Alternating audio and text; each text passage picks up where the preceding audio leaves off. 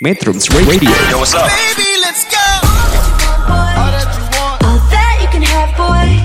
Got me spread like a buffet, bon. Now they always say congratulations. Come and strip that down for me. I'm on my way. Girl, come and strip that down for me. Yeah, yeah, yeah, Metrums. Radio, media terintegrasi kaum muda. Halo-halo semua sahabat metronom, berjumpa lagi dengan podcast Pena dan Kertas.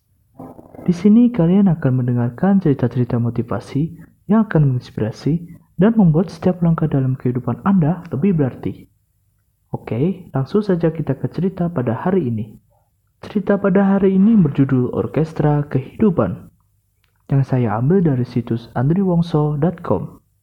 Dikisahkan ada seorang bapak tua sedang menguji anaknya di kota. Suatu sore, saat senggang, dia berjalan-jalan di seputar perumahan. Tiba-tiba, terdengar bunyi suara yang menyakitkan telinga tuanya. Bapak tua itu kemudian mengikuti arah suara yang mengganggu pendengarannya.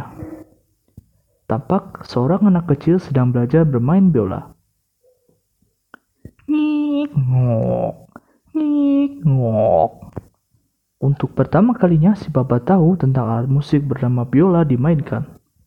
Bapak itu kemudian berpikir, Wah, aku tidak ingin lagi mendengar suara yang mengerikan seperti itu. Wah. Hari lainnya, si bapak kembali mendengar suara yang mendayu-dayu membelai telinga tuanya. Dengan penasaran, diikutinya sumber suara merdu yang belum pernah didengarnya selama ini. Sesampainya di sana, bapak tua itu pun terpengangah melihat seorang wanita tua Sang maestro sedang memainkan sonata dengan biolanya. Diam-diam dia di sana, ikut menikmati alunan musik yang indah. Seketika itu, bapak tua menyadari kesalahannya. Suara yang tidak mengenakan telinga yang didengarnya dulu bukanlah merupakan kesalahan dari alat musiknya, dan bukan pula salah si anak yang memainkannya. Suara mengerikan itu hanyalah proses belajar dan berlatih seorang anak untuk bisa memainkan alat musik biolanya dengan baik.